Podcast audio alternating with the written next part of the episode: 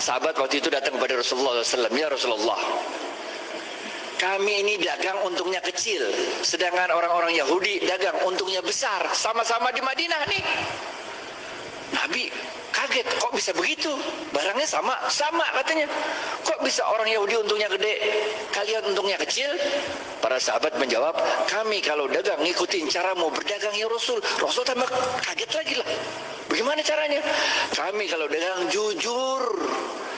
Kalau orang mau beli satu kilo, saya nggak ngurangin timbangan, tetap satu kilo. Kalau mau beli satu meter, tetap satu meter, nggak ngurangin ukuran. Sedangkan orang Yahudi, kalau dagang, curang, ngurangin timbangan, ngurangin ukuran. Makanya labanya untungnya gede, sedangkan kami untungnya kecil. Udah jujur belum tuh? Udah jujur belum tuh? Udah jujur kan? Udah jujur kan?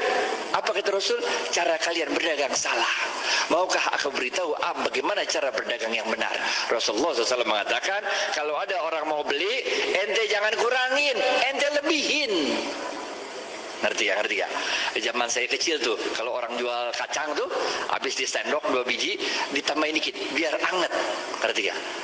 Kalau jual duku tuh, habis timbang tambahin dikit, biar anget, benar ya? Jual daging, potong tuh, habis itu tambahin dikit, biar anget, tahu gak? Apa yang kejadian? Orang-orang yang biasa belanja di pasar Madinah orang Yahudi sekarang pindah ke tempatnya orang Muslim karena pertama orang ngomong dari mulut ke mulut. Kalau belanja di pasarnya orang Islam aja enak, satu kilonya berat. Kalau tempat orang Yahudi satu kilo Enakan pasar orang Islam kalau satu kilonya banyak. Kalau tempat orang Yahudi satu kilonya dikit. Ini rahasia yang pertama. Rahasia yang kedua, tiap kali dia jualan kan berarti dia sodako, ngelebihin, ngelebihin, bener ya?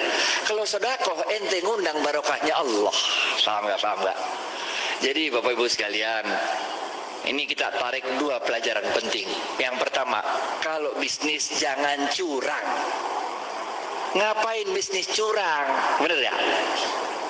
Kita orang Islam men, kalau ente orang Islam sholat tapi bisnis curang, enggak oke. Okay. Yang pertama nih bisnis jangan curang, jangan ngurangin timbangan, jangan ngurangin hak pembeli. Yang kedua apa? Yang kedua kalau bisnis itu banyakin sodako, ngejar barokah. Makanya kita diajarkan oleh Rasulullah SAW sebuah doa yang sangat Makanya kita diajarkan oleh Rasulullah SAW, Allahumma barik lana fima rozaktana wa kina azabannar. Wahai Allah berkahilah seluruh rezeki yang kau berikan pada kami dan jauhkan kami dari siksa api neraka. Ini doanya begini nih. Paham gak? Paham gak?